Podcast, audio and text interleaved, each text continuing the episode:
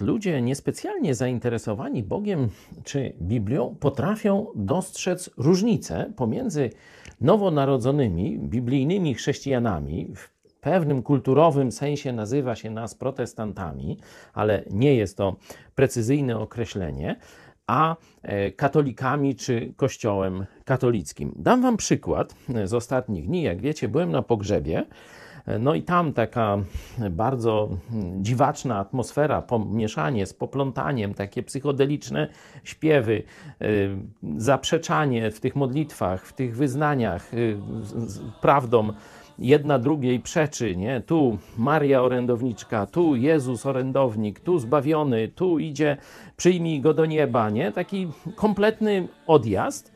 E, oczywiście nikt tym się nie rozeznaje o osobistej wierze w Jezusa, to nikt nawet nie słyszał ani nie myśli. Raczej jest to kultura, tradycja, wiara ojców i tak dalej, pewne przyzwyczajenia. No i oni już tych pogrzebów odbębnili w swoim życiu pewnie kilkanaście, kilkadziesiąt e, i tak dalej.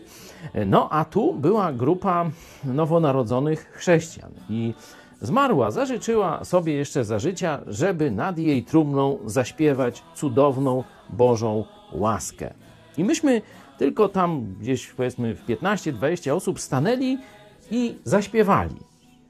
Tylko tyle świadectwa. Cudowna Boża łaska, oczywiście, no treść jest piękna, muzyka również, nasze wykonanie, no tam staraliśmy się jak najlepiej, ale ci ludzie, mimo że no przecież do tak zwanych innowierców to nie są zbyt dobrze nastawieni, to jeden do drugiego mówili, no to jakoś tak inaczej ale w tym pozytywnym sensie, że ich zadziwiło, że to nie musi być tej, tej rutyny, tej powtarzalności, tej nudy, tego bełkotu, bez sensu, ale może być żywa wiara. Ludzie, którzy jak gdyby widzą swojego Boga, żyją z nim i kochają go. To musimy Polakom pokazać. To jest ta różnica. To przekona nawet niedowiarków.